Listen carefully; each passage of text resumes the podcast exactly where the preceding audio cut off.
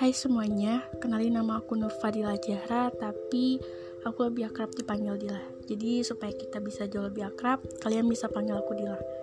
Nah, jadi ini tuh podcast pertamaku yang judulnya antara ambisi dan takdir. Tapi aku mau mulain podcast ini uh, dari episode pertama yang udah aku kasih judul yaitu Cinta Bertepuk Sebelah Tangan. Oke, okay, dari judulnya aja ini tuh udah rumit banget, ya gak sih?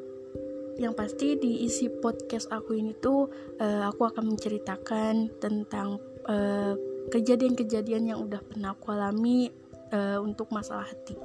Jadi buat kalian yang penasaran, kalian dengerin podcast aku di episode pertama nanti ya. Dadah.